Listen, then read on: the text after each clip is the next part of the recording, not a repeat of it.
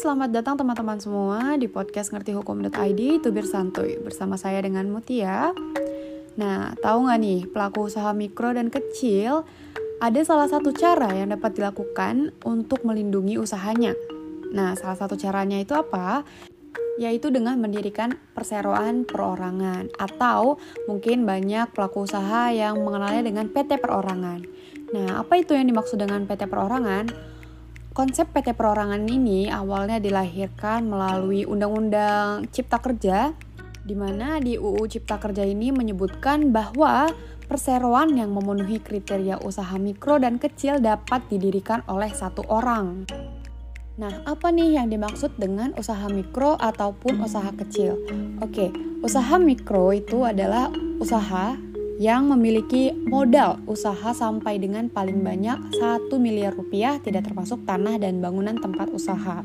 Sedangkan usaha kecil untuk modal usahanya lebih dari 1 miliar sampai dengan paling banyak 5 miliar rupiah. Nah, kemudian apa sih sebenarnya alasan dari pemerintah membentuk konsep PT perorangan ini? Oke, PT Perorangan ini bertujuan untuk membantu usaha mikro dan kecil yang awalnya tidak teratur dalam modal dan pengurusan, sehingga keseluruhan badan usahanya akan lebih teratur dan terorganisir. Nah, tentu saja dengan memiliki suatu badan usaha yang terorganisir akan mendapatkan suatu hal yang positif. Salah satunya adalah meningkatkan pendapatan bagi para pelaku UMK.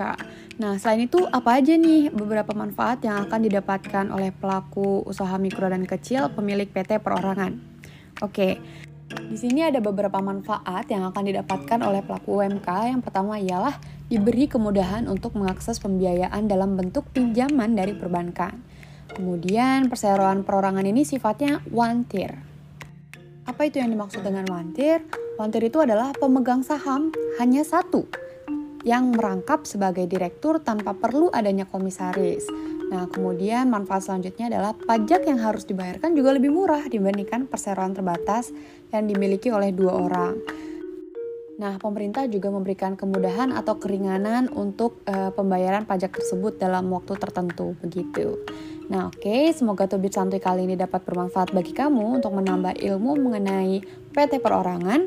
Jangan lupa follow kami di Twitter, Instagram, TikTok, TikTok, LinkedIn, dan subscribe YouTube Ngerti Hukum ID dan kunjungi website kami di ngertihukum.id.